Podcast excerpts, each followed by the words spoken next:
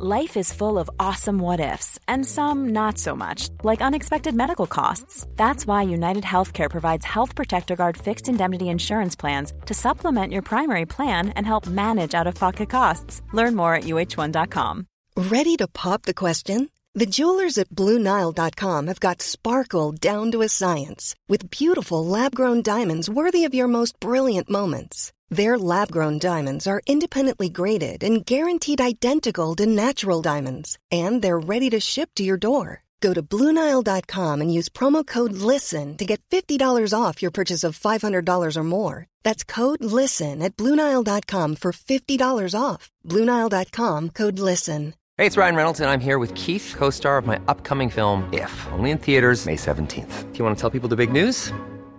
All right, I'll do it. Sign up now and you'll get unlimited for $15 a month in six months of Paramount Plus Essential Plan on us. Mintmobile.com slash switch. Upfront payment of $45 equivalent to $15 per month. Unlimited over 40 gigabytes per month. Face lower speeds. Videos at 480p. Active Mint customers by 531.24 get six months of Paramount Plus Essential Plan. Auto renews after six months. Offer ends May 31st, 2024. Separate Paramount Plus registration required. Terms and conditions apply if rated PG.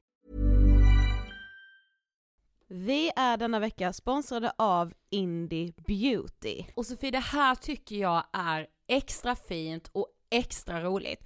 Ja men Indie Beauty är ju ett skönhetsvarumärke som jag tror att väldigt många känner till, men det jag älskar mest det är att Indie Beauty liksom vill vara mer än bara produkter, vilket de ju också är. Exakt. Indie Beauty står ju för Independent Beauty, skönhet på dina villkor och för din egen skull. Och Indie Beauty tror ju stenhårt på ett alternativt skönhetsideal fritt från måsten, skam och känslor av otillräcklighet. Där är jag helt med Indie Beauty. Jag med. Det är så jag vill att skönhet ska vara. Ja men verkligen. Och vet du vad som är nytt för i år Sofie? Berätta. Från och med i år så skänker Indie Beauty 1% av sin försäljning till Suicide Zero, Tjejzonen och Djurens Rätt. Så när man handlar produkter från Indie Beauty så kan man liksom känna att man också ger tillbaka till samhället. Ja, kraften i tillsammans. Ska jag säga en sak nu då, som Mm. jag, det, men det är detta jag är extra glad över. Nu har Indie Beauty tagit fram en keps och den tycker jag ändå så på sommaren, skydda sig från solen, Jättebra, jag älskar kepsen. men det bästa, de bidrar till Suicide Zeros viktiga arbete för att minska antalet självmord och självmordsförsök. Så för varje såld keps så går hela vinsten, 100 kronor, direkt till Suicide Zero. Då kan man liksom göra nytta både för samhället och sin hud på en och samma gång. Ja, och kepsen kostar 169, men alltså hela vinsten går då som sagt till Suicide Zero. Så om man vill göra skillnad när man är där ute i solen, nu när den börjar titta fram, då ska man välja den här kepsen. Den säljs exklusivt på indiebeauty.se och på Apotea. Tillsammans kan vi skapa en ljusare framtid. Vi ses med kepsarna på! Tack Indie Beauty. Vi är sponsrade av Mindler och som ni säkert vet sedan tidigare så är vi ju ute på psykologresan tillsammans. Men hur vet man egentligen när det är dags att söka hjälp? Ibland uppstår saker i livet som kommer utmana oss och kännas tufft. Det mesta självläker vi oss igenom, för vi är menade att ta oss igenom en viss mängd påfrestningar. Men ibland behöver man professionell hjälp för att ta sig ur jobbiga perioder i livet. Men vart går då gränsen? Vad är en del av livets skavighet och när är det läge att söka hjälp? Det sägs till exempel att stress är farligt, men att det också kan vara bra. Alla sover dåligt ibland, så när har man egentligen sömnproblem? Ångesten kommer väl krypande för de flesta någon gång. Så när ska man se ångesten som outhärdlig? Hur vet jag? Med oss som psykolog har vi såklart min gamla psykolog Linnea Seidbrant. Men Linnea, vad är egentligen utmattningssyndrom? Utmattningssyndrom är en konsekvens av svår och långvarig stress utan möjlighet till återhämtning. Vi är ju då skapta för att klara av stress, men vi behöver också återhämtning. Om du utsätts för för mycket stress under en lång period utan att du får till den nödvändiga återhämtningen så kommer kroppen till slut att säga ifrån. Och det är faktiskt så att alla har en gräns. Du kan drabbas av en rad fysiska eller psykiska besvär som trötthet, sömnproblem, hjärtklappning, besvär från magen och tarmarna och mycket annat. Och det här är ju då varningssignaler och tecken på att du kan behöva göra någonting åt din situation. Annars så kan besvären utvecklas till att du mår så dåligt på sikt att du blir psykiskt och fysiskt utmattad. Ladda ner Mindler till din telefon och läs mer på mindler.se.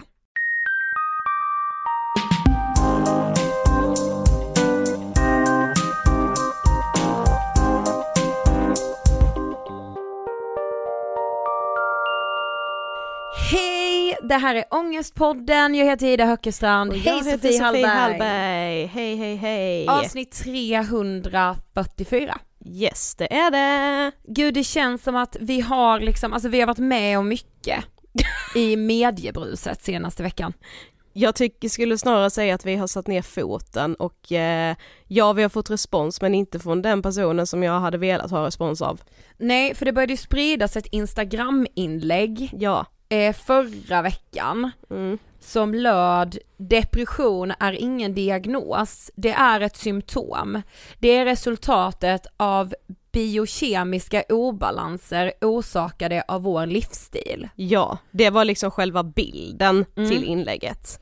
Men det var ju också bara bilden som spreds mycket. Precis, den delades ju liksom av influencers och det här tyckte vi ju såklart var väldigt problematiskt Ja. sett till att, ja, för det första är ju depression en diagnos, Mm. Vi kanske ska börja i den änden, men också att vi som ni som lyssnar vet hatar all form av humbug, all form av kvacksalveri, allt som kallas alternativmedicin, vilket tydligen var fel att säga, såg jag i vårt kommentarsfält. Det var kolonialt. Ja. Ehm, det här inläggets uppkomst är ju från en man som kallar sig Dr. Diamantis på Instagram. Yes. Eh, nu är jag och Ångestpodden-kontot blockerat. ja. Det var ju synd för man tänkte ju ändå att man kanske skulle bli liksom bemött. Doktor kan ju många tänka läkare, han har, han har också så vit läkare och på sin profilbild. Mm. Men han är ju då naprapat och även utbildad i, vad var det? Kinesisk medicin. Ja. Mm. Det kanske han är doktor i då, jag vet inte. Men jag tänker väl bara så att eh, det som jag tyckte var problematiskt med hans inlägg var ju att han, han skriver ju, alltså flera gånger i inlägget att han inte är emot antidepressiv medicin. Men samtidigt så handlar hela inlägget om att man inte ska äta antidepressiv medicin i princip. Eller typ så här, om det har gått så pass långt att man tvingas äta antidepressiv medicin så är det för att man har gjort val tidigare som, har varit, som inte har varit en fördel Ja. för ens mående. Och det, det var typ det jag kände att vi behövde uppmärksamma. Och jag kände, alltså kommentarerna som vi fick under det här inlägget Mm. fick ju mig att vara så här: vänta, just det, vi har väldigt, väldigt, väldigt lång bit kvar Mm. tills folk ens är medvetna om vad psykisk ohälsa är, vad depression är, Mm. som är en av de vanligaste diagnoserna. För det verkade finnas, många liksom presenterade en bild av att man bara kunde välja att bli fri från sin depression. Ja men och så här, ha, eh, Dr. Diamantis då hade ju en lista i det här inlägget som var så här, här är lite punkter som man kan följa liksom för att ha en sund livsstil, Mm. säger jag nu med citationstecken. Och ja, det var bra saker där, för att bara så här må bra, men man kan inte klumpa ihop att må lite bra eller typ så här ha lite bra rutiner i sitt liv med att antingen så får du depression eller så får du inte det. Ja, Exakt. det är jättebra att försöka minska sin skärmtid. Ja, det är jättebra att ha pulshöjande träning några gånger i veckan. Ja, det är viktigt med bra sömn. Det är ju saker som alla vet, men det Exakt. handlar inte om att hamna i en depression eller inte, utan så här, ha en bra livsstil liksom. Mm. Och sen är det också så här, vad är bra livsstil? Det är också olika för alla. Eh, men ja, jag tycker bara inte man, man kan liksom inte, och det kände jag med på många av de kommentarerna som vi fick i vårt kommentarsfält som var då inte höll med oss. Eh, jag tycker att de kommentarerna beskriver det här skavigheterna i livet typ, Mm. som alla någon gång känner. Så jag bara, ja, jag kan välja lite vilken attityd jag ska ha under en dag om jag vaknar och har en medelmåttig dag, som Mm. de flesta dagar, men jag kan inte välja och må bra om jag har hamnat i en depression. Nej, Det är två helt olika saker. precis.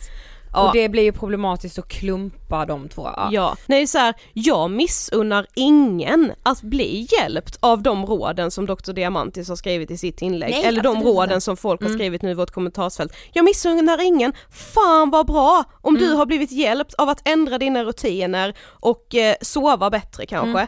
Men vi kan inte använda det nej som en, en liksom universell lösning på all psykisk ohälsa. Precis. Och vi måste ju också sluta stigmatisera SSRI, jag får, alltså jag får panik av det. Alltså, Ja. ja, det finns eh, såklart fortfarande ett inlägg eh, på vår Instagram också om man vill eh, läsa vad vi har för tankar kring det här. ja. Vi är denna veckan sponsrade av Mendly. Ja, appen som gör det möjligt att gå i terapi via chatt, alltså direkt i telefonen. Ja, och det här är ju alltså revolution tycker jag ändå man ska säga.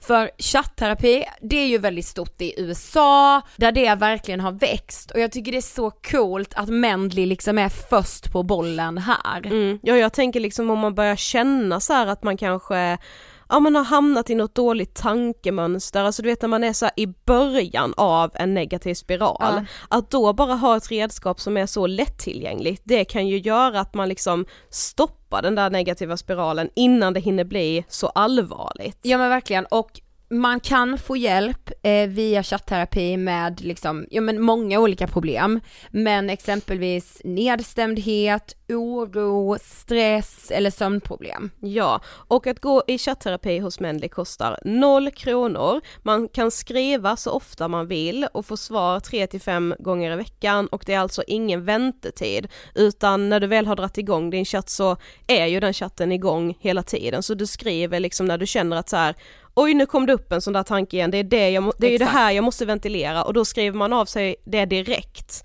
eh, istället för att vänta till nästa gång man har en terapistund liksom. Ja men exakt, och vet du vad jag tycker Sofie, som vi ibland glömmer bort att säga men som vi och Mendley är väldigt angelägna om, att man vid akuta psykiska problem eller liksom allvarliga självmordstankar ska ringa 1177 eller 112. Ja, Eh, för det är ju liksom livshotande att känna att man inte vill leva mer och då är det ju 112 som gäller. Självklart. Det är över 17 000 personer som har blivit hjälpta av Mendley. De har över 100 stycken legitimerade psykologer eller psykoterapeuter och det är 92% nöjda användare. Det, ändå, ändå ett gott resultat. Ja men så bra betyg. Ja, du laddar ner Mendley via App Store eller Google Play. Tack Mendley.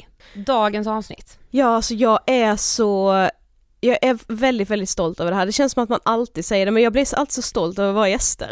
Ja jag vet, jag, nej men alltså ärligt, Ja. blir, nej men det blir man ju med för att man vet att så här, de sitter här hos oss och de pratar om någonting som inte är jättelätt. Precis, och jag är alltid, det är alltid lika fint att liksom dyka in i någons historia och höra hur någon har varit med om någonting som har varit jobbigt och sen höra liksom om hela tillfrisknandet Ja. eller liksom så här, här är jag idag, gud vad inspirerande. Men det är också så sjukt inspirerande att prata med någon som är i skiten just nu. Eller kanske någon som dagens gäst Saskia eh, är i någonting som hon knappt själv kan sätta ord på. Exakt, vi har med oss Saskia för att prata om hetsätning. Ja. Eller ja men på engelska kallas det ju binge eating disorder. Jag tror många har hört det begreppet. Ja, som vi säger lite i liksom intervjun också att det känns som att så här, det amerikanska ätstörningscommunityt, som ju är väldigt stort i Exakt. USA, de är väldigt bra på att ta med just hetsätning som en Ja, ätstörning medan Eller här, såhär, ätstörningscommunityt låter, lät så pro-Anna, Ja, men, men alltså de som, alltså kroppspositivism Ja men exakt, som säga. pratar mycket om så här dietkultur och alltså så. Ja. Ja de är på, på ett helt annat sätt än man var, vad man typ är van vid här. ja men här räds vi ju för att prata om det för att det känns så skambelagt. Exakt. Det heter enligt 1177 hetsätningsstörning. Mm. Eh, och jag tänkte att jag bara ska läsa vad det står sammanfattat på 1177. Ja.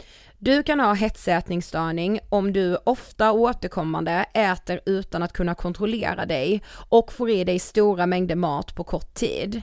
Hetsätningsstörning kan leda till fysisk och psykisk ohälsa om det inte behandlas, men de flesta som får behandling blir friska. Ja. Eh, det handlar väl också bara då om att de som söker hjälp för hetsätning ska få hjälp. Det kan, vi, det kan man säga, det kommer vi diskutera. Ja, Så vi rullar intervjun med Saskia. varsågoda! Hej Saskia och varmt välkommen till Ångestpodden! Får jag prata nu? Ja. Hej! Och välkomna! Nej, nej men gud. Välkomna till din timme i ångest. Välkommen till min show! Men nu har vi suttit och sagt det, att det känns som att vi känner varandra. Ja, nej men det är sjukt. Jag fattar inte, alltså. Nej men jag visste inte att det skulle vara så här trevligt. Nej, men jag har så trevligt. ja. Ja, ja men alltså det är så trevligt. Ja. Men du ska få berätta för de som inte vet, vem är du? Och jävlar. Jag heter Saskia. Jag är ganska excentrisk som person. Jag gillar konst, jag skapar konst. Jag vill bli heter det, formgivare. Och håller på att hitta liksom min väg dit. Att jag gillar liksom färg och form men jag vet inte riktigt vilken min plats är. Och sen så jobbar jag som influencer. Eh, Och jag gillar Baileys te. som vi pratade om Ja, tidigare. jo men vi pratade ju om detta och jag är ju väldigt sugen på så springa och köpa det. Ja, ja, Ja. Ja, jag vill att vi ska gå dit efter. ja. Mi- Mina följare vet liksom till och med om Baileys te. De Ja. är så här, har du Baileys i teet på morgonen? Liksom, vad är du för alkis? Typ. Jag bara, nej, nej alltså De det tror att det är så att du skvätter ner. Ja, exakt. Det är därför jag har så gott humör. ja exakt. Men vad tänker du på när du hör ordet ångest? Men nej, men jag får absolut ont i magen. Mm. För att det, det har jag haft så mycket, så mycket, så mycket. Mm. Ehm, så att jag har, om jag ska vara ärlig så har inte jag vågat lyssna så mycket på er podd. Nej. För att det triggar så mycket. Mm. Att jag vill liksom tänka bort det. Mm. Så att jag har liksom inte vågat gå in i det. För just nu så har jag ett väldigt bra skov. Mm. Ja, mm. Och då vill jag liksom inte fokusera på det. Nej, men det är väl sunt också? Ja men precis. Alltså att ibland, anamma den bra ja men känslan. exakt. Mm. Att ibland kan man bli så fokuserad om man mått, på ångesten om man har mått dåligt länge. Mm. Att det blir ens identitet. Och för mig har det blivit det. Mm. Och jag vill komma bort från det. Mm. Så att jag får ont i magen och är så här, jag vill aldrig hamna där igen, jag vill låtsas som att det inte finns. Mm. Ehm, kom aldrig tillbaka typ. Mm. Ja. Gud, men, ja, men det låter också väldigt sunt att känna själv, eller så här, ett, att vara medveten om att det har blivit ens identitet och att också vilja ta sig därifrån. Ja, För för många tror jag att det kan bli liksom en enorm trygghet som man inte vill ta sig ifrån liksom. Ja men allt som man vänjer sig vid blir ju en trygghet. Mm. Och det kan ju finnas, alltså det finns ju både positiva och negativa saker som blir, som man vänjer sig vid. Men att man just, att det kan vara svårt att förstå att man också kan vänja sig vid typ negativa saker. Exakt. Och att det blir en trygghet att ja, men, fastna där och prata om det och att man inte vågar ja, men, öppna locket och är så här, men vem är jag om just nu kanske jag inte har så mycket ångest. Och då blir man ju rädd för att man är så här, men gud jag har ju ingen personlighet. Nej. För att det är det enda man har odlat. Mm. Åh gud. Mm. Ehm, lite så känner jag just nu. Men idag så tänkte vi främst att vi ska prata om hetsätning eller Mm. hetsätningsstörning som det heter på sjukvårdsspråk. Nej men det kändes typ också som att det är mer satt på engelska typ, alltså binge eating disorder. Ah, ja. Eller jag vet inte, alltså det känns som att det är liksom amerikanska communityt kring att typ prata om ätstörningar, ångest, psykisk ohälsa, att de pratar så mycket mer om Ja. hetsätning än vad vi har gjort i Sverige. I Sverige pratar vi liksom om anorexia och bulimi. Nej men Bara. hetsätning finns inte. Exakt. i Sverige. Nej. Men hur skulle du beskriva det liksom, vad är det för någonting? Det är en ångest. det är... ehm, alltså jag har ju inte gått i terapi för det, jag har inte fått någon hjälp för det. Så att jag vet ju inte någonting mer än det som jag är van vid. Så att jag vet liksom inte riktigt vad som är ovanligt. Nej. Vad som är fel inom citationstecken. Mm. Ehm, utan jag, för mig är hetsätning att hellre vilja kräkas än att vilja ha ångest. Att jag omsätter psykisk ångest till fysisk. Mm. För att det blir ett rop på hjälp för att jag vill läggas in på sjukhus. Ja. För att att bli tagen på allvar. Mm. Men om vi liksom, vi kommer ju komma in på det här så Ja. mycket mer, men vi vill ändå backa bandet lite. Eh, vart är du liksom född och uppväxt? Hur ser du tillbaka på din barndom? I mitt pass står att jag är född i Uppsala, men jag är född i London. Mhm. Men jag är liksom typ uppvuxen i Uppsala. Mm. Mina, eller mitt första år där. Så att jag och min mamma flyttade till, från London till min mormor i Uppsala. Eh, när jag var ett halvår. Och sen är jag uppvuxen i Stockholm. Och har bott här liksom hela tiden ungefär med lite avbrott på olika ställen. Nej men den har inte varit så kul. Ehm, den, jag har inte blivit så sedd. Och jag har inte haft så mycket, jag har liksom inte fått det ett barn behöver. Mm. I form av uppskattning och ehm, ja, men kärlek på det sättet som jag hade behövt. Mm. Och det har ju satt sina spår. Mm. Om vi säger så. Men förstod du det redan då eller är det så här någonting som du har förstått nu i liksom vuxen ålder? Det är nog i vuxen ålder för att det var nog bara för några år sedan som jag började tänka om, om min barndom. Att eh, hela min barndom har jag varit ta- upptagen med att tänka att så här, mina föräldrar gjorde så gott de kunde. De är liksom, eh, det är mig det är fel på.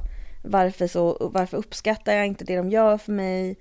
Ehm, de har det svårt. Och så därför så borde jag liksom inte ha några behov. Och att jag la, jag la liksom, ja, mina barnbehov på mig själv. Ja. Att de borde försvinna. Mm. Och att, inte att, och att jag borde försvinna. Inte att jag borde dö, men att jag liksom inte borde ta upp någon plats. Mm. För att det är ansträngande för mina föräldrar. Ehm, och det gör det ju väldigt svårt att bli en fungerande vuxen person Mm. om man har det som grund, att man inte borde få finnas, att man inte får ta plats Ja. och att man inte är så uppskattad. Mm. Om man inte är på vissa sätt. Men när skulle du säga att du hade din första kontakt med ångest? Eller liksom, minns du hur det var eller varför det uppkom eller så? Nej, jag kommer inte ihåg, eh, alltså jag har typ inga minnen från min barndom. Nej. Och det är väl, det tolkar jag som en del av en ångest. Mm. Att det är för jobbigt att tänka på. Ja, precis. Så att jag kommer ju inte, jag kommer väl, det var i tonåren i gymnasiet som jag började i psykolog. Eller Aha. gå till en psykolog. Men kan du minnas första gången som du hetsåt? Alltså det är svårt, jag har alltid haft en komplicerad relation till mat. Ja. För det har varit det enda sättet för mig att kunna kontrollera min vardag. Att det, liksom min omgivning var inte som jag ville ha. Så det enda som jag kunde styra över var att öppna eller stänga munnen. Mm. Gud vad jag tror många relaterar. Eller hur? Ja. Ehm, och det är ju en sån klassisk grej som man känner till lite mer nu.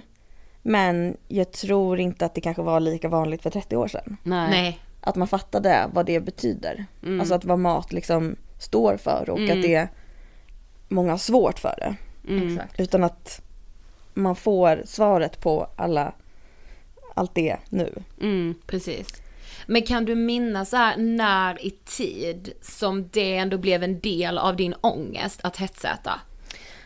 Jag tror, jag vet inte om jag alltid har hetsätit.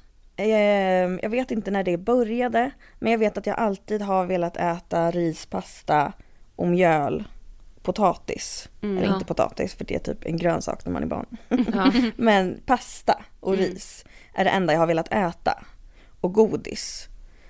Så att eftersom jag inte har gått igenom min hetsätningsproblematik så vet jag inte heller vad som är fel och när jag började. Nej. Men jag vet att jag alltid har varit besatt av att äta godis. Det har liksom varit det enda som min typ vakna tid har gått ut på. Mm. Att jag har velat äta godis. Eller när får jag äta godis nästa gång? Mm.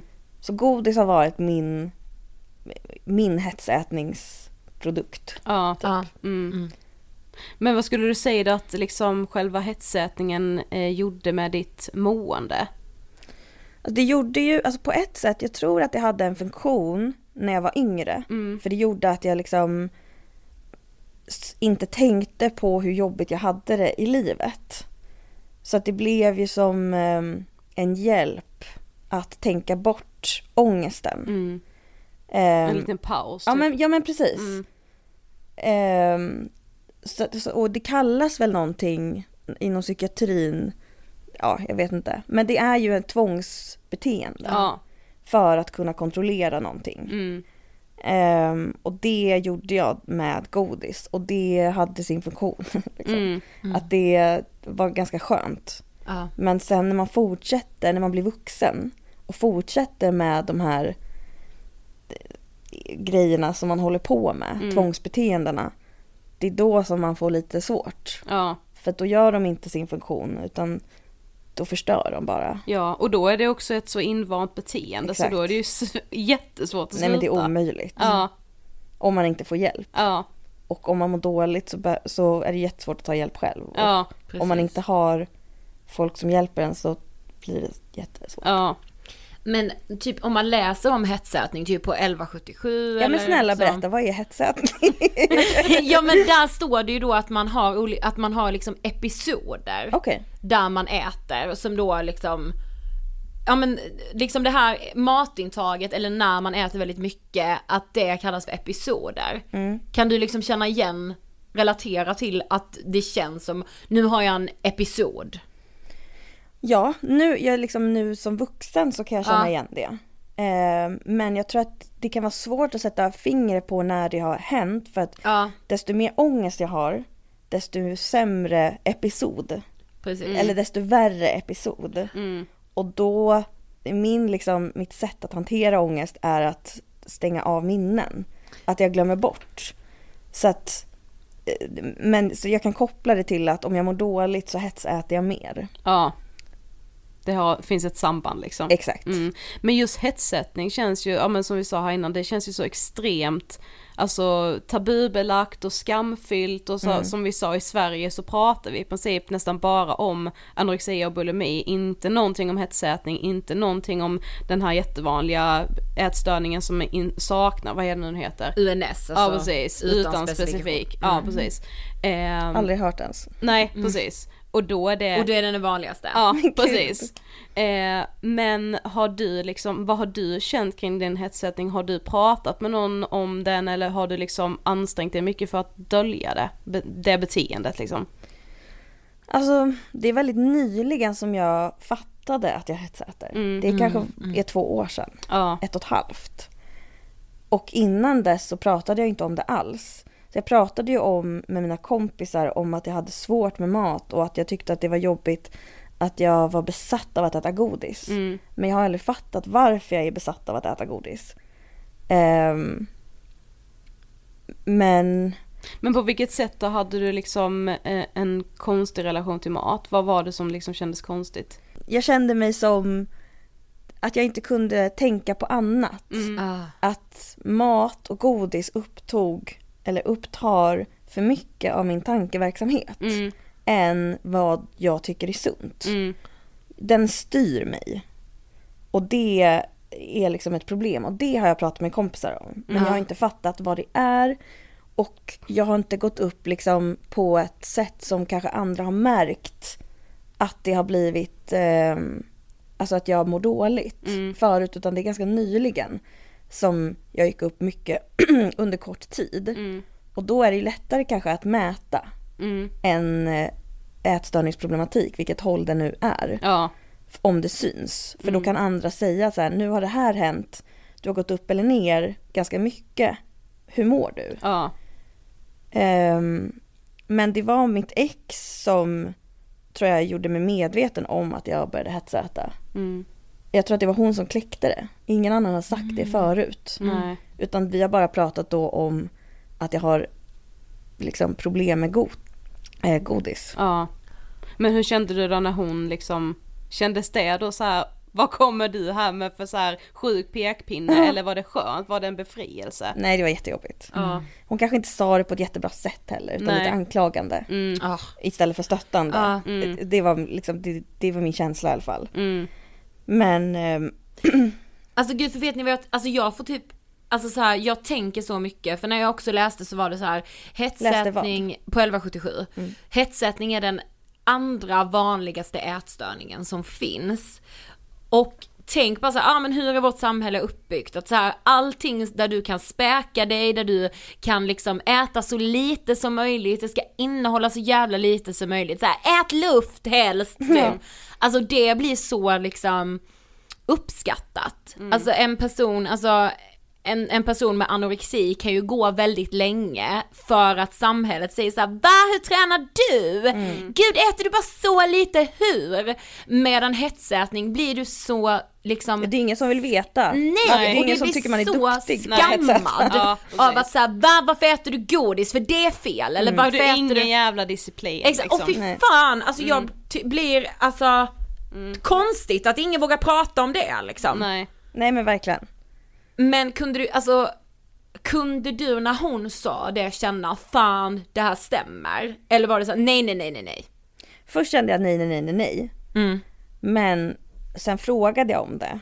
Att jag tycker, jag, jag är liksom lite besatt av att växa som person. Mm. Så att om jag får kritik så vill jag gärna veta vad det handlar om och typ ta in det. Ja. Och känna om det stämmer. Och jag kände väl att det kanske stämde när hon förklarade. Att på vilket sätt och att hon såg ett, en, en ändring i mitt, i mitt liksom ätmönster. Mm. Men det var ju inte skönt. Men det var väl liksom att, nej men jag kände mig som världens sämsta person. Att hetsätning är det fulaste, sämsta en människa kan göra. Alltså det är liksom dödsstraff på hetsätning. ja, det är kände så jag. det känns. Mm. Ja. Men samhället Och nu har jag Mm. hamnat där så nu ska, måste jag dö. Eller liksom, nu måste jag halshuggas. Mm. Fuck jag är påkommen typ. Ja. Det här är det som jag har väntat på hela mitt liv. Mm. Att bli påkommen och nu blev jag det typ. Ja. Gud, ja. Men vad har du liksom haft för relation till din kropp genom liksom ditt liv eller så här uppväxt och så? För ätstörningar känns ju liksom så kopplat till kroppsuppfattning. Ja men nej men eh, kropps, eh, min kroppsupplevelse är väl inte den bästa. Ehm, jag är uppvuxen med att kanske inte få så mycket komplimanger eller så positivt, få höra så mycket positivt om min kropp utan höra negativ, ne- negativa kommentarer. Och det har ju såklart satt grund för vad jag tycker om mig själv. Mm. Ehm, så att jag har ju alltid tyckt att jag är tjock och ful, borde gå ner i vikt. Alltså sen jag var kanske nio. Mm. Ehm, och att jag har varit så här, jag är så stor som en planet. Och sen när jag ser tillbaka så var jag typ smalast i klassen. Ja. Ehm, så att det har ju inte funnits någon grund. Och sen spelar det ingen roll, det behöver inte heller finnas någon grund. Men eh, jag har en jättedålig relation till min kropp. Jag, är fejk, jag har fejkat ett tag när jag blev liksom tjock på riktigt eller vad man ska säga. Att eh, jag tycker att man, liksom att jag var såhär, man får finnas som tjock och bla bla bla. Men jag har ju aldrig känt att jag får det själv. Nej. Vi, alltså jag tycker ju ofta många dagar att jag inte får gå utanför dörren för att jag är så tjock. Mm.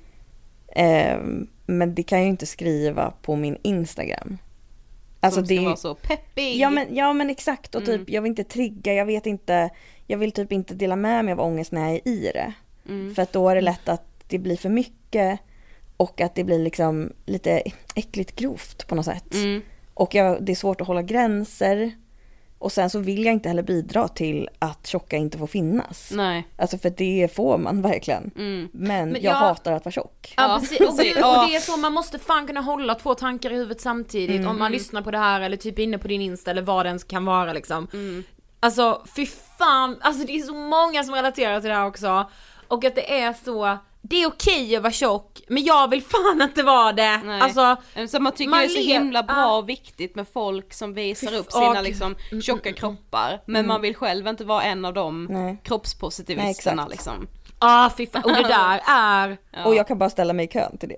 Ja. alltså, ja. ja det men nej men jag- jag tycker det är jättejobbigt. Ja. Både att det är, det är tungt, eh, alltså det är framförallt att det är det fysiska, jobb, tungt, ansträngande, Ja. jag får ont Mm, och att jag älskar kläder och jag kan inte ha de kläderna jag vill ha. mm, Så att för mig är det kanske mer en praktisk grej. mm, Ehm, att jag inte kan göra det jag vill göra. mm. med min kropp sen den blev den storlek som den är nu. Om man jämför med förut. Mm. Och att det var lättare liksom att ha en kropp förut. Att för mig är det nog mest en sån grej. Mm. Att jag försöker trycka bort alla de här samhällsnormsgrejerna. Eh, att det känns inte som att det är det viktigaste för mig. Utan att det är just det, det praktiska Mm. tycker jag att det är jobbigt. Och sen är det också jobbigt att folk tror att jag har sån enkel bild av att vara tjock. Att folk ofta pr- pratar med mig om tjockhet. Ja. Och, och det, det, det förstår jag, för man tror, folk, som, folk tror att jag för en kamp för Mm. tjocka. För att jag tycker att man får finnas.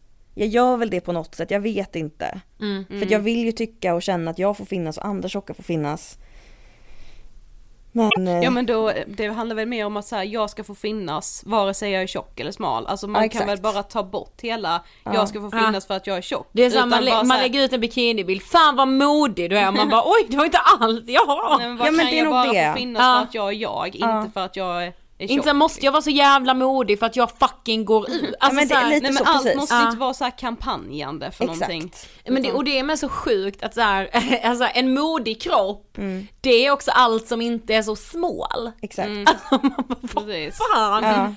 är vi samhälleligt? Men jag Vad tycker också att det det blir jobbigt när folk kallar mig kroppsaktivist. Ja. För det, det blir jag liksom kallad. Mm. Och det förstår jag att andra kanske tycker för att jag inte skäms för att visa upp mig. Eller jag låtsas att jag inte skäms. För att jag skäms ju. Men då påminns jag om att jag är tjock. Ja. Och så får jag liksom ångest över att jag hetsäter. Jag vet ju liksom bakgrunden till att jag är tjock. Jag tror att det är det som gör min ångest. Bakgrunden till att jag är tjock är inte hälsosam för mig Nej. att jag hetsäter och därför har jag blivit tjock. Och hetsätningen har jag gjort för att jag har haft ångest. Så att min kropp är ett resultat av ångest. Och det är det som jag har problem med och det är det jag har, får ångest över. Inte synen på tjockhet. Nej. Nej, Kanske gud. speciellt då när man nu, när du nu liksom så mår bra. Men Bättre. Ja, ja precis. Bättre. Inte bra, men- Nej men bättre. Att så här, det, det, ångesten ändå där och hela tiden påminner om att den har varit väldigt mycket värre än vad det är nu. Ja. Men du har ju haft liksom mycket annan ångestproblematik också utöver liksom själva bara Ja. hetsätningen liksom. Vill du berätta? Ja, men jag har ju haft ångest hela mitt liv, förstår jag nu. Eh, och den har ju sett olika ut. Eh, förut, alltså så här, jag har typ ljugit hela mitt liv. Eh, och det har jag förstått nu. Jag, har ljugit, jag har gått i terapi i tio år, ljugit för varandra psykolog. Eh, de har frågat vilka, vilka problem jag har, jag har liksom sagt, sagt emot det. Jag har inte berättat det som är det jobbiga. Eh, för att jag har skämt så mycket. Att förut så hade jag jättesvårt att duscha. Att jag kanske duschade var tionde dag. Sa inte det. Nej men för det är ju för fult och pinsamt. Hetsåt, sa inte det. Det är ju för pinsamt. Utan jag berättade liksom att så här, mm, jag bråkade med den här, bla bla bla. Sånt som jag har läst om i tidningen att man kan prata med sin psykolog Ja, om. ja. Den lite så fina ångesten. Ja. Exakt. Och det är klart att jag inte blev bättre. Nej. Ehm, för att de, jag är liksom, eftersom mina föräldrar, jag har liksom blivit expert på att typ tolka människor och anpassa mig. Alltså mitt överlevnadssätt har varit att få folk att tycka om mig. Mm. Att jag har varit dålig i skolan, jag har inte lärt mig något, men jag har fått lärarna att tycka om mig. Mm. Att jag liksom lite gjort det för att ta mig framåt i livet. Att jag har hatat mig själv, jag har inte kunnat ta hand om mig själv. Men Life is full of awesome what ifs, and some not so much, like unexpected medical costs. That's why United Healthcare provides Health Protector Guard fixed indemnity insurance plans to supplement your primary plan and help manage out of pocket costs. Learn more at uh1.com. When you're ready to pop the question, the last thing you want to do is second guess the ring. At Bluenile.com, you can design a one of a kind ring with the ease and convenience of shopping online. Choose your diamond and setting. When you find the one, you'll get it delivered right to your door. Go to Bluenile.com and use promo code LISTEN to get $50 off your purchase of $500 or more. That's code LISTEN at Bluenile.com for $50 off your purchase. Bluenile.com code LISTEN. Quality sleep is essential. That's why the Sleep Number Smart Bed is designed for your ever evolving sleep needs. Need a bed that's firmer or softer on either side? Helps you sleep at a comfortable temperature? Sleep Number Smart Beds let you individualize your comfort so you sleep better together. JD Power ranks Sleep Number number 1 in customer satisfaction with mattresses purchased in-store. And now, save 50% on the Sleep Number limited edition Smart Bed for a limited time. For JD Power 2023 award information, visit jdpower.com/awards. Only at a Sleep Number store or sleepnumber.com. Jag har fått liksom andra att hjälpa mig typ. Jag vet inte, jag har liksom inte varit mig själv. Nej. För att det hade jag, kunde jag inte när jag var liten. Mm. Jag blev liksom inte uppskattad när jag var mig själv. Och det är väldigt, väldigt, väldigt svårt att ta sig ur. Mm. Att spela någon annan. Så att när jag liksom, när jag umgåtts med folk så har jag liksom försökt spela någon som jag har trott, men så här, underhållt och försökt vara någon som andra, som jag tror, som jag brukar få uppskattning för. Ja. Ja. Ehm, och sen har jag gått hem och fått panikångest för att det är så ansträngande och för att jag mår skit och att ingen ser mig och att jag har känt mig ensam. För att det är klart att jag inte blir sedd när jag inte säger hur jag mår. Nej. Eller ber om hjälp för att då har jag trott att då kommer jag bli övergiven. Mm. Så att jag har liksom varit så ensam för att ingen har vetat om hur jag har mått. Mm. Ehm, och det är liksom, jag får, jag, jag får så ont i magen av att prata om det för att jag fortfarande inte bearbetat det för att jag fortfarande ljuger i terapi. Ja.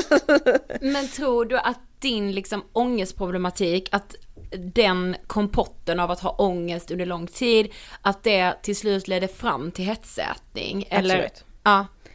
Ehm, personlighetssyndrom har jag några stycken av. Och det har jag lärt mig är någonting som man skapar från trauman. Så att hetsätning, jag vet inte benämningen men jag skulle kanske gissa att det är nästan en del av det. Alltså en, två, liksom en tvångssyndrom har jag. Och hetsätning eller ätstörningar är ju baserat på kontrollbehov. Ja. Ja, det är väl liksom ett, efter att inte ha blivit sedd år efter år, så är väl det, har väl det varit ett sätt för att försöka bli sedd kanske. Mm. Så jag har inte tänkt på det aktivt, utan det har väl varit, jag, men så här, jag tror att jag har försökt kontrollera mig själv. Hela min personlighet, mitt sätt att vara, allt runt omkring. Och hetsätningen blev väl ett sätt som jag inte kunde kontrollera. Som Ja. där kroppen kontrollerade mig Ja. och försökte ta tillbaka mig själv. Att vara så här, hallå, liksom, eh, det här kan inte du kontrollera, haha. Ja. Lite så. Mm. Ehm, för, för jag vet inte, alltså jag har liksom en knepig hetsätning. Mm. Ehm, det, jag hetsäter inte på det sättet som när man googlar. Nej. Jag trycker inte två pizzor. Nej. Eh, och det är därför jag inte heller får hjälp Ja, från för en För ätstörningsklinik. har du liksom försökt få hjälp för bara så här, jag har en ätstörning, jag måste ha hjälp. Ja. När jag flyttade till Malmö för, för fem år sedan Ja. så hade jag kompisar som såg mig och tog hand om mig väldigt mycket och de var så här, du har, eh, du har, du är liksom ätstörd och jag bara, men jag är inte smal och de bara, man behöver inte vara smal för att ha en Nej. ätstörning eller så här, ätstörning. Ja. Ehm, och de var så här, du behöver nog hjälp med det här. Och det var så himla skönt att bli sedd för med mig själv. För det var ju något som jag liksom kände, Mm. så stämde. Ja, det var mm. så här, det är jag. Alltså det var, jag har inte kunnat gömma det liksom. Nej. Och de såg det. Mm. Så det var väldigt skönt men eh, det är inget, jag har inte fått hjälp. För att när de frågar mitt problem så kan jag inte svara. Och det, och det är väl liksom just det som jag har gjort hela mitt liv, att jag trycker undan, jag vet inte mitt problem. Eller Nej. liksom... ehm, Men blir det liksom att du inte är tillräckligt sjuk då? ja, Mm. precis. Mm. Och att jag inte heller vågar säga eh, det som jag har problem med. Nej. Eftersom, jag, eftersom det är så nytt att jag typ vågar prata om det och vågar erkänna det. Mm. så eh, har jag ju förut försökt dölja det. Så att, när jag, har så att det har liksom tagit emot i mig att söka hjälp. Och då när jag har pratat med dem och de vill veta och så är de ganska hårda och snabba och stressade. Så här, jaha vad, har du, vad behöver du hjälp med och bla bla bla, och vad är din problem? Och jag bara, jag vet inte. Eh, jag är jätteduktig och så tror jag att jag är på arbetsintervju. Ja, och är sådär, ja, ja. men duschar, liksom så här är glad, skämtar. Ja precis. Hallå hallå! Ja exakt. Så blir man så, Ja, åh gud. Får dem ja. att tycka om mig och de bara, du mår inte dåligt. Och man bara, ah, du skulle bara veta. Ja precis. Men alltså det är kanske jättesvårt att liksom förklara, men vad, vad skulle du Så att jag liksom... märker nu när ni frågar att jag försöker leda undan också. Ja, jag liksom svarar och du inte behöver på inte era svara frågor. på allt. Nej Alltså, absolut inte. Nej, men jag älskar inte när ni göra något så här frågar. själsligt övergrepp här. Nej precis, men du vet såhär, alltså för nu sa du det att såhär, ja men jag är inte ett klassiskt fall när man googlar och att jag äter två pizzor. Men vad är det som skiljer sig? Att jag vill ha ett konstant intag av godis. Ja. Jag tror min ätstörning är väldigt baserad typ i huvudet. Att från det jag vaknar tills det jag går och lägger mig tänka på vad jag ska äta, när jag ska äta. Att jag inte orkar äta, att jag inte orkar laga mat, att jag måste äta nyttigt. Att jag måste gå ner i vikt. Att eh, det ska vara, jag har liksom väldigt många punkter på min lista. Jag vill äta, jag tycker att jag ska äta på ett visst sätt. Som jag tycker är nyttigt. Men jag mår illa av mat som jag inte är sugen på Ja. och får klökningar om jag försöker äta något som jag inte är sugen på. Så att jag klarar inte av att äta på det sättet som jag tycker att jag borde. Och då får jag ångest av det och tycker att så här, jaha nu när jag försökte äta nyttigt och gott, men liksom, då klarar jag inte av att äta det. Och så äter jag pommes kanske, för det klarar jag av. Och då får jag ångest av det. Mm, för det är något man inte bör Ja, exakt. äta. Mm. Så att när, när, när jag pratar med ätstörningspersonerna då är de så här, men vad äter du då? Och det är inte liksom jättekonstigt det jag, det jag liksom äter. Men det är liksom jag hatar att äta. Mm. För jag vet inte när jag är hungrig, jag vet inte när jag är mätt, jag vet inte hur stor eller liten portion jag borde äta. Jag har liksom inga sådana, alla sådana gränser eller instinktiva förmågor är borta. Mm. För att det var så jobbigt när jag var liten. Mm. Och för att det också är en ätstörning. Ja, Ja, men, ja men alltså, precis, precis. exakt. Ja. Så att jag vet liksom aldrig vad jag ska äta. Jag vet så här, jag öppnar kylskåpet och är så här, ska jag välja det eller det där? Vad är jag sugen på? Vad är bra? Vad är nyttigt? Eller jag vet vad som är nyttigt men ska jag äta det nu? Mm. Ska jag ta en glass nu? Eller inte? Vad borde man göra? Mm. Vad är rätt eller fel i den här situationen? Kan jag ringa 1177 och fråga? Alltså det är lite så vad, tycker ni jag ska äta? Ja, ja men Ja. exakt. Ja. Jag, jag har liksom ingen sån grundkänsla för vad, att jag är okej. Nej, och så, det blir ju heller inte lättare när, alltså jag tycker själv att så här, jag har en bra relation till mat men jag blir ju också påverkad av så här, det känns som att det, liksom, det som finns under kategorin vad man bör äta, det blir mindre och mindre saker på den listan för helt plötsligt är allt onyttigt. Det är såhär, något som var helt normalt att äta för tio år sedan är liksom big no-nos Ja. idag. Så att den listan blir bara mindre och mindre så hur fan ska man då få det är liksom, Ja och nu känns... pratar vi inte ens alltså samhälleligt om termer så här onyttigt, onyttigt eller så. Vi pratar så här farligt! Ja precis. Alltså farligt för eh, kroppen, farligt för den psykiska hälsan och liksom, alltså det finns ju så mycket regler kring mat så har man redan då en, en dålig relation till mat och har den här problematiken så jag fattar att det blir jävligt svårt. Ja. För det är svårt för någon som inte har en ätstörning. Ja! Om jag bara pratar utifrån mig själv Ja. liksom. Men för att eftersom min känsla i mig är att jag inte får finnas, Mm. som jag, jag försöker ändra på det bla bla bla, men det är ändå min grundkänsla. Och då är det som att den drar sig till mat, att då får jag heller inte äta för att jag finns ju inte. Nej. Att det är lite liksom kopplat till det på något sätt. Precis, ja. Ehm, och men att jag liksom alltid sedan jag var liten varit att jag måste så här, sitta på ett specifikt, eller sitta på ett visst ställe. Jag gillar att så här, veta var jag ska sitta. Jag vill liksom veta hur allting ska vara. Mm. Och det verkar liksom koppla ihop sig till maten också. Men sen är det även att min ätstörning, gissar jag, är att jag har väldigt, alltså jag liksom, nej men att jag har svårt att se när mat tillagas. Eller att jag vill inte se när jag lagar mat. Nej, Jag ja. blir liksom äcklad av att se när en råvara ändrar form Mm. till något annat. Jag blir liksom äcklad av att se att det där ska jag ha i mig. ja. Att så här, det ska liksom in i mig på något sätt. Mm. Ehm, och att, att jag får så mycket ångest av att veta, av att inte veta. Gud, jag tror att jag får, jag tror att den här den där korrandet är för att jag liksom blir stressad Ja. av, så här, av att prata om det. Ja. För det, var- det, är liksom inte så ofta man typ går in i det så mycket för Nej. att folk vågar typ inte fråga. Mm. Mm. Ehm, Men skulle du vilja att folk frågade mer? Ja, Mm. jag skulle vilja prata om det mer. Mm. Känns det liksom som att det är liksom, det är så mycket skam kring det så ingen vågar fråga heller? Mm. Att det är ju en väldigt stor del av mig. Mm. Och det är det här som är typ en av mina största ångestgrejer. Ja. Så fort jag vaknar så får jag ångest över vad ska jag äta? När ska jag äta? Hur? Mm. Måste jag laga mat? Hur kan jag komma undan? Och så låtsas jag att jag inte kommer behöva äta. Mm. Och så skjuter jag upp det, frukost, tre timmar. Och så är jag vrålhungrig. Mm. Äter en macka och låtsas som att jag kommer bli mätt. Och så väntar jag fyra timmar till. Mm.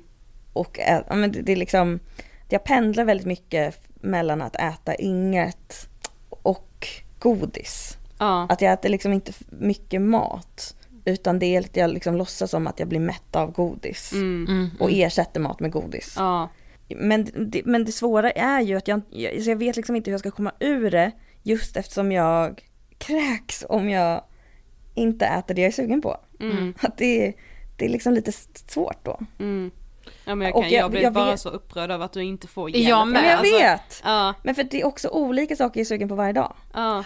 Det är liksom som, jag vet inte hur det är att vara gravid, men det känns som att jag liksom har grova gravid-cravings varje dag. Ja. En sak funkar en dag, risifrutti kanske. Mm. Nästa dag spyr jag av tanken. Ja. Eller liksom, jag, nu säger jag det så kastar jag mig. Jag, jag går inte runt och, jag spyr inte så mycket. Men jag får klökningar och illamående Ja. av att tänka på vissa Så mat. då är det nej, nej, nej liksom. Ja men exakt. Mm.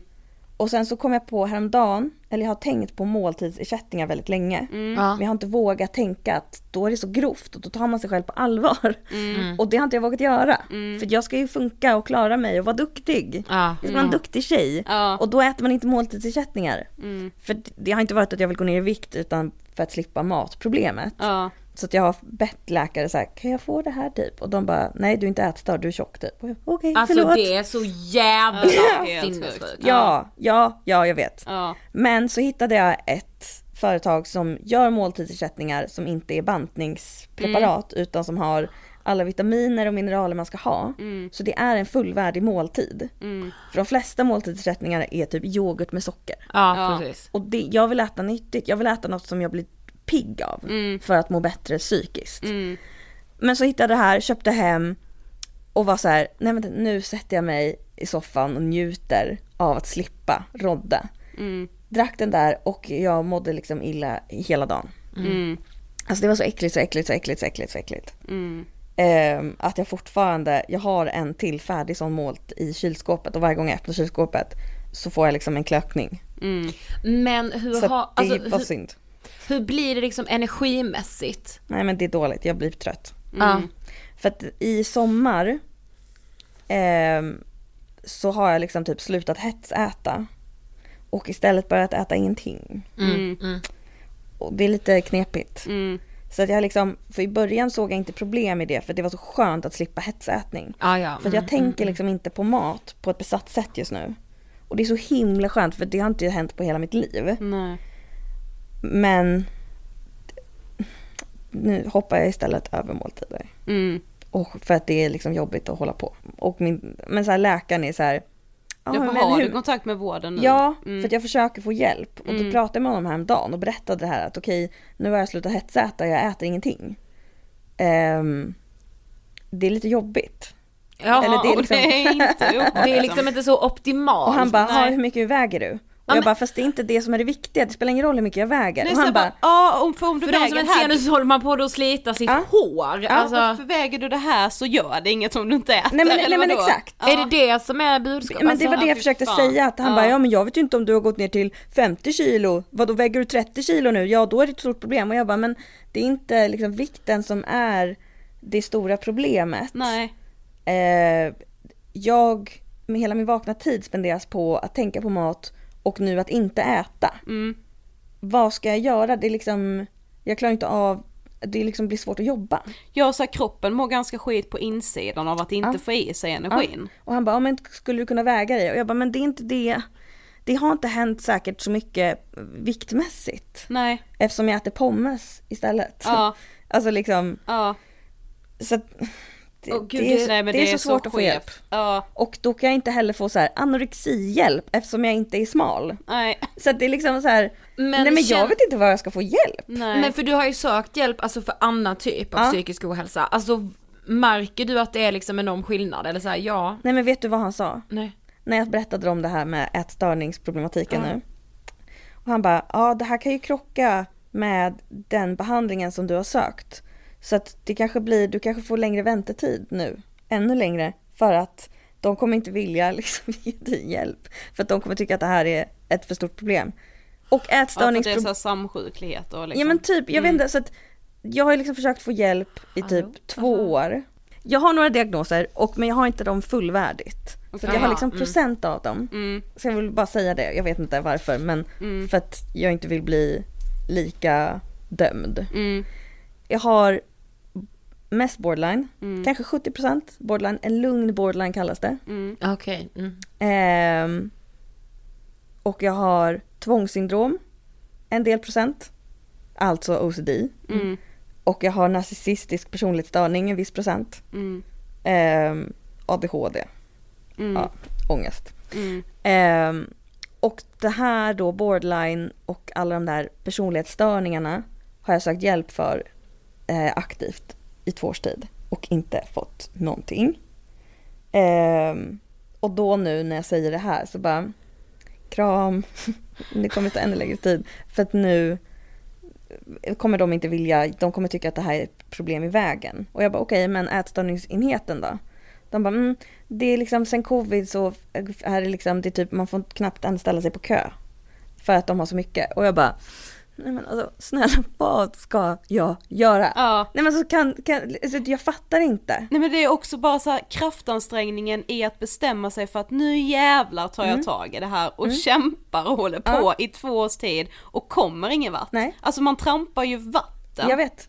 Nej men också man, nu mår jag ju bättre tack och lov, Mm. men alltså jag vill ju liksom läggas in av att få det här svaret. Ja, Typ. såklart. För att det är liksom, nej men jag känner mig så ensam. Mm. Men också, jag tror jag tänker mycket på, att, på folk som inte har det lika lätt som jag. Mm. Jag är ändå uppvuxen i Sverige, kan svenska, har ett stort kontaktnät. Mm. Och jag har ändå svårt. Tänk om man inte har det. Ja, Nej men jag, jag, jag får liksom, när man får Nej, jag- ont i hjärtat. nej men det gör så ont i hela min kropp. Ja. Jag vill liksom lägga mig ner och liksom, jag vet inte vad. Men för att det är så knäppt. Mm. Men vad tänker du kring, alltså jag kan tänka mig att man känner sig så otroligt ensam i liksom så, ja men jag hetsäter, jag skäms, det är skamligt. Vad tänker du kring att så här, det är den näst vanligaste ätstörningen? Jag visste inte att det var det. Nej. Nej, tänker men känns det sjukt? Eller liksom, Eller kanske skönt. För då är du ju inte ensam.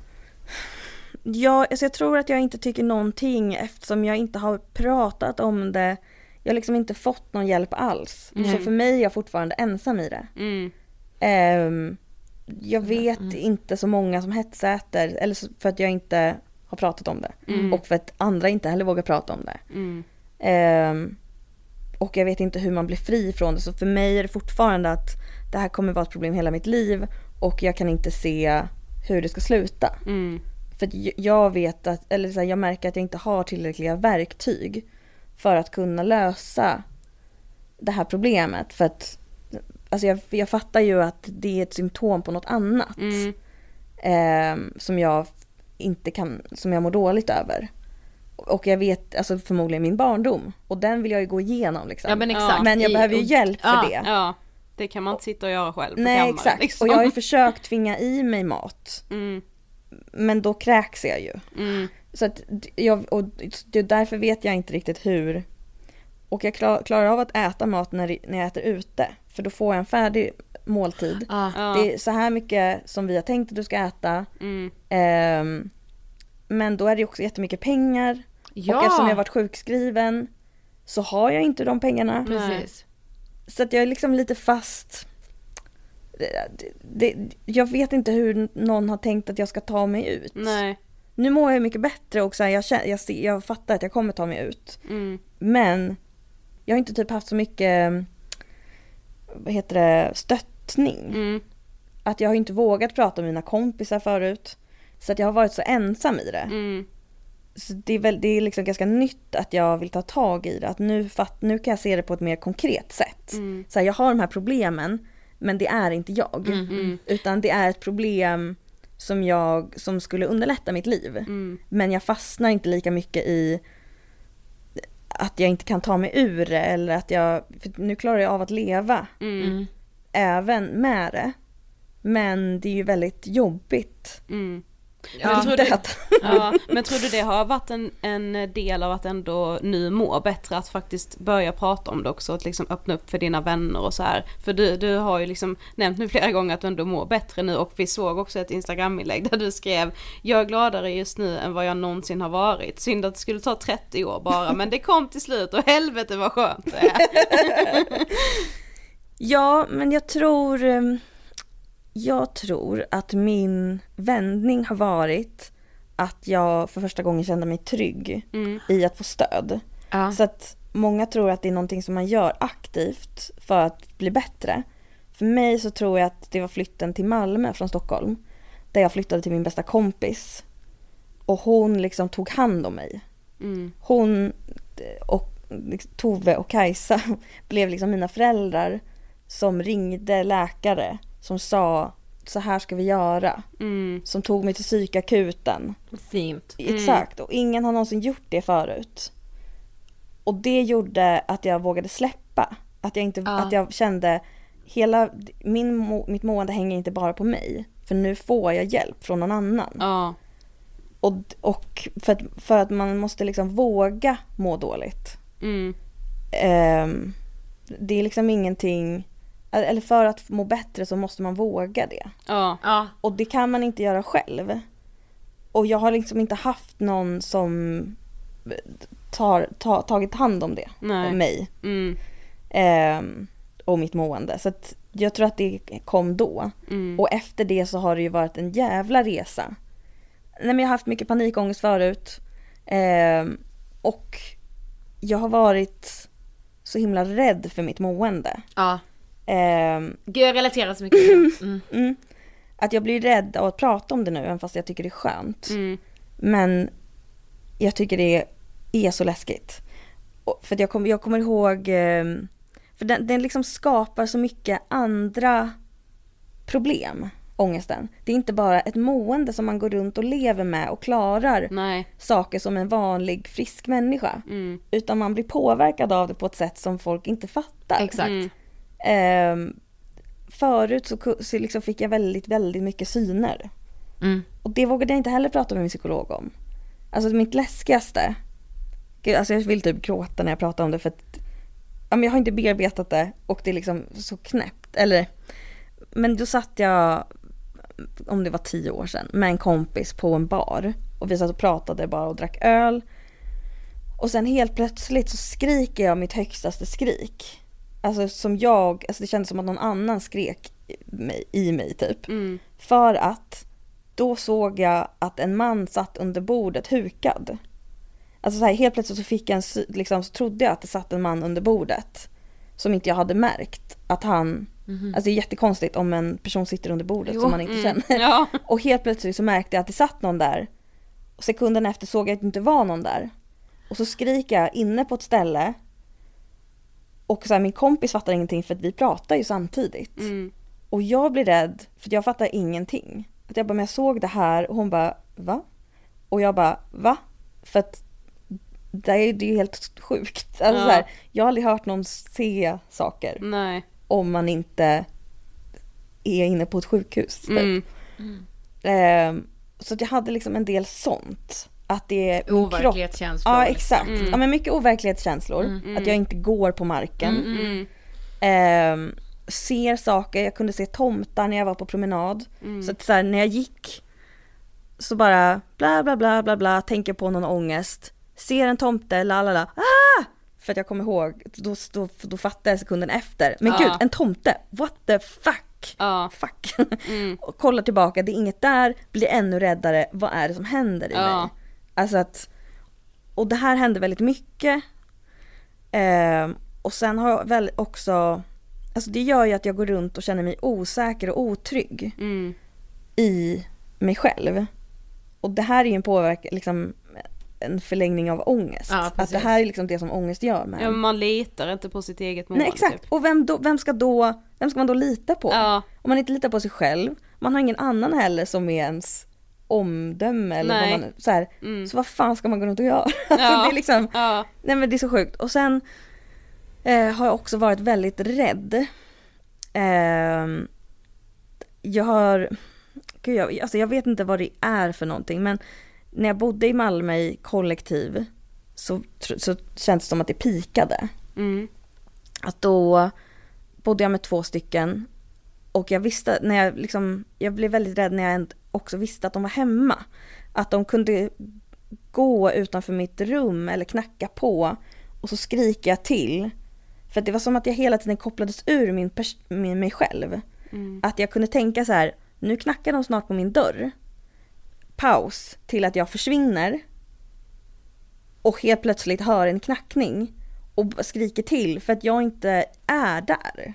Mm. Att det är som att det liksom helt, helt plötsligt hamnar i en annan situation. Mm. Alltså jag, jag vet inte riktigt vad men så att det var ju, alltså det här hände ju varje dag. Mm. Att jag liksom hörde, det, det konstiga är ju att jag hörde liksom, nu händer det här, försökte förbereda mig själv, Mm. försvinner ur min kropp och blir så rädd att jag liksom nästan kissar på mig. Ja. Och de blev ju rädda för att de var så här, "Eh, vi är hemma vet du väl? Ja, och jag bara, precis. jag vet. Du ska väl inte bli så rädd för Nej det? men exakt. Ja. Så de tog ju upp det att så här, men Saskia, det är lite jobbigt. Mm. Liksom att så här, vi, vi blir skrämda av att du Ja. skriker så högt. Ja, och jag bara, nej men jag fattar det. Vi blir skrämda av att du blir skrämd. Ja men Alltså, exakt. ja. Och det är inte så kul att en person skriker Nej. varje dag. Nej. För att man knackar på dörren. Mm. Men alltså gud, alltså man blir verkligen tagen, alltså Ja. du, och man märker med när du berättar att du liksom är så närvarande i Ja. att berätta om de här sakerna. Ja. Vi måste snart börja avrunda, men Mm. jag tänkte bara så här, alltså vad tänker du kring så här en sån sak som hetsätning? Alltså varför är det så skamligt att prata om liksom? För att det handlar om att man blir tjock. Mm. Alltså det handlar om utseendet. Mm. Om att vräka i sig att samhället är ju, älskar ju när man är återhållsam och kontrollerar sig själv. Mm. eh, allt man gör. Att man ska ha en bestämd bild av hur man är som person. Och hetsätning går ju emot det. Mm. Att man kan inte kontrollera det. Ehm, och det är fult att inte kunna hantera det. Mm. Men det är fult att inte kunna hantera sig själv och Ja. bestämma över Ja, sig själv. Ja. Och speciellt så blir nästa lager blir ju då att det handlar om tjockhet. Ja. Och att det är det fulaste man kan vara och då tror folk att man väljer det. Eller liksom, ja. ja men att man är helt odisciplinerad. Ja men liksom. precis. Ehm, ja, det är Mm. liksom fult. Mm. Men för jag har pratat om det lite på min Instagram. Och varje gång så är det ju verkligen så här folk som bara, men gud. Vad skönt att du pratar om det. Mm. För att jag har inte hört någon prata om det på ett naturligt sätt som en del i vardagen. Utan att det är liksom, off, ant, det blir lite antingen eller. Det finns Mm. inget så för, mellanting. Nej. För mig är det en del av mitt liv som jag vill lära mig hantera. Ja, och inte min identitet. Mm. Det är inte det min Instagram handlar om. Nej. Det är inte det jag handlar om. Mm. Och det är inte en så intressant fakta om mig heller. Nej. Men det är ett problem. Ja. Som vilket annat problem. Och jag tror att många andra inte ser det på det sättet. Ja, verkligen. Att det är ett problem som allt annat. Mm. Exakt. Ehm, Men det märker vi, alltså det är ett så önskat ämne hos oss. ja det är det. Ja, alltså en, och såklart, och det fattar jag ju så här. Och man ser till att det är den näst vanligaste ätstörningen. Men ja, Mm. det är så, så, så önskat. Men så är det alltid så om någon skriver så är det ofta den, om ni tar upp det jag har skrivit vill jag vara anonym. Ja, om ni vi tar har upp... ju med haft jättesvårt att hitta någon som faktiskt har Precis. pratat om det Ja, här. ni har det? Ja, Ja. jättesvårt. Men jag tycker inte att det är så kon... För mig är det typ ingenting att skämmas över. Mitt mående, jag skäms typ inte över. Nej. Alltså jag skäms över min existens inför mig själv. Men inte för andra. Att säga, jag kan inte hjälpa att jag hetsäter. Nej. Det är ingenting jag bestämmer över. Nej, så det är inte så att jag vill. Nej exakt. Det är liksom som att lägga pussel. Ja. Alltså det är lite, eller borsta tänderna. Mm. Det finns närvarande. Och jag vill lära mig att göra det bättre för mig själv. Ja. Exakt. Som att sova. Eller att man vill träna för att må bra. Precis. Så vill jag också inte ha en ätstörning. Mm. Precis. Det är liksom inte Precis. värre än så. Nej, exakt. Ja. Eller det är inte fulare än så. Nej, Nej, nej, precis. det är ju exakt. Det- Värre kanske. Men Ja, inte men, det inte, fulare. nej det är inte fulare. Nej, verkligen inte. Okej. Word. Då har vi kommit till sista frågan. Ja. Vad- Oj vad spännande. Ja, Oj jag vad- älskar att bli intervjuad.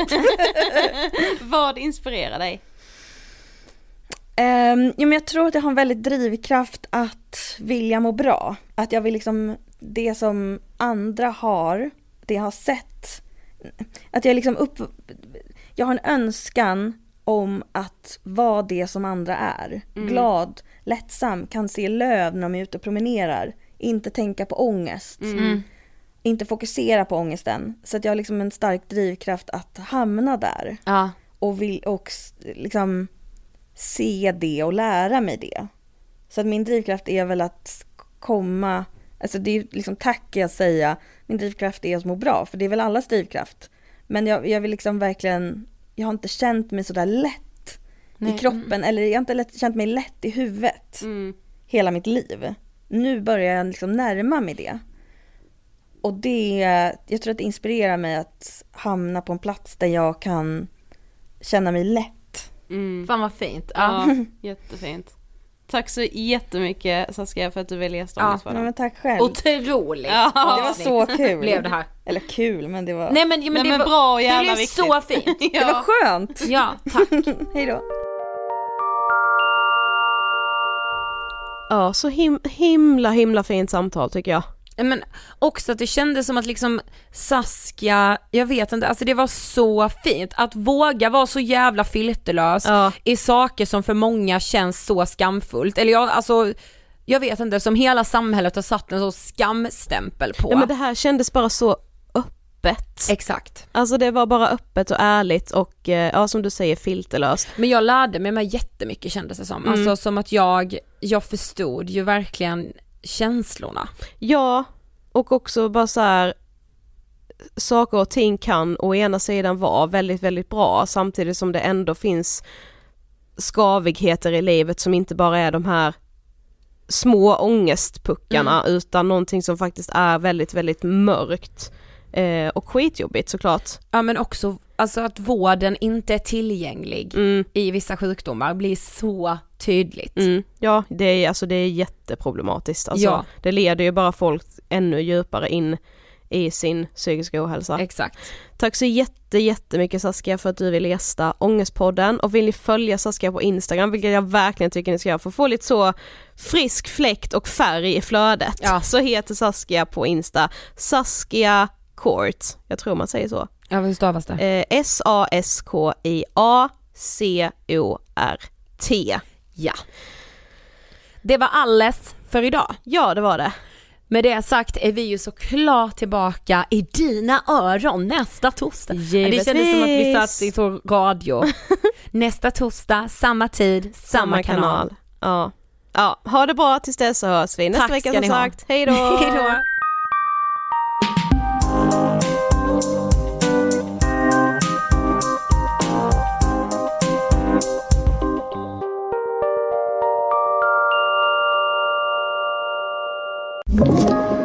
Podplay.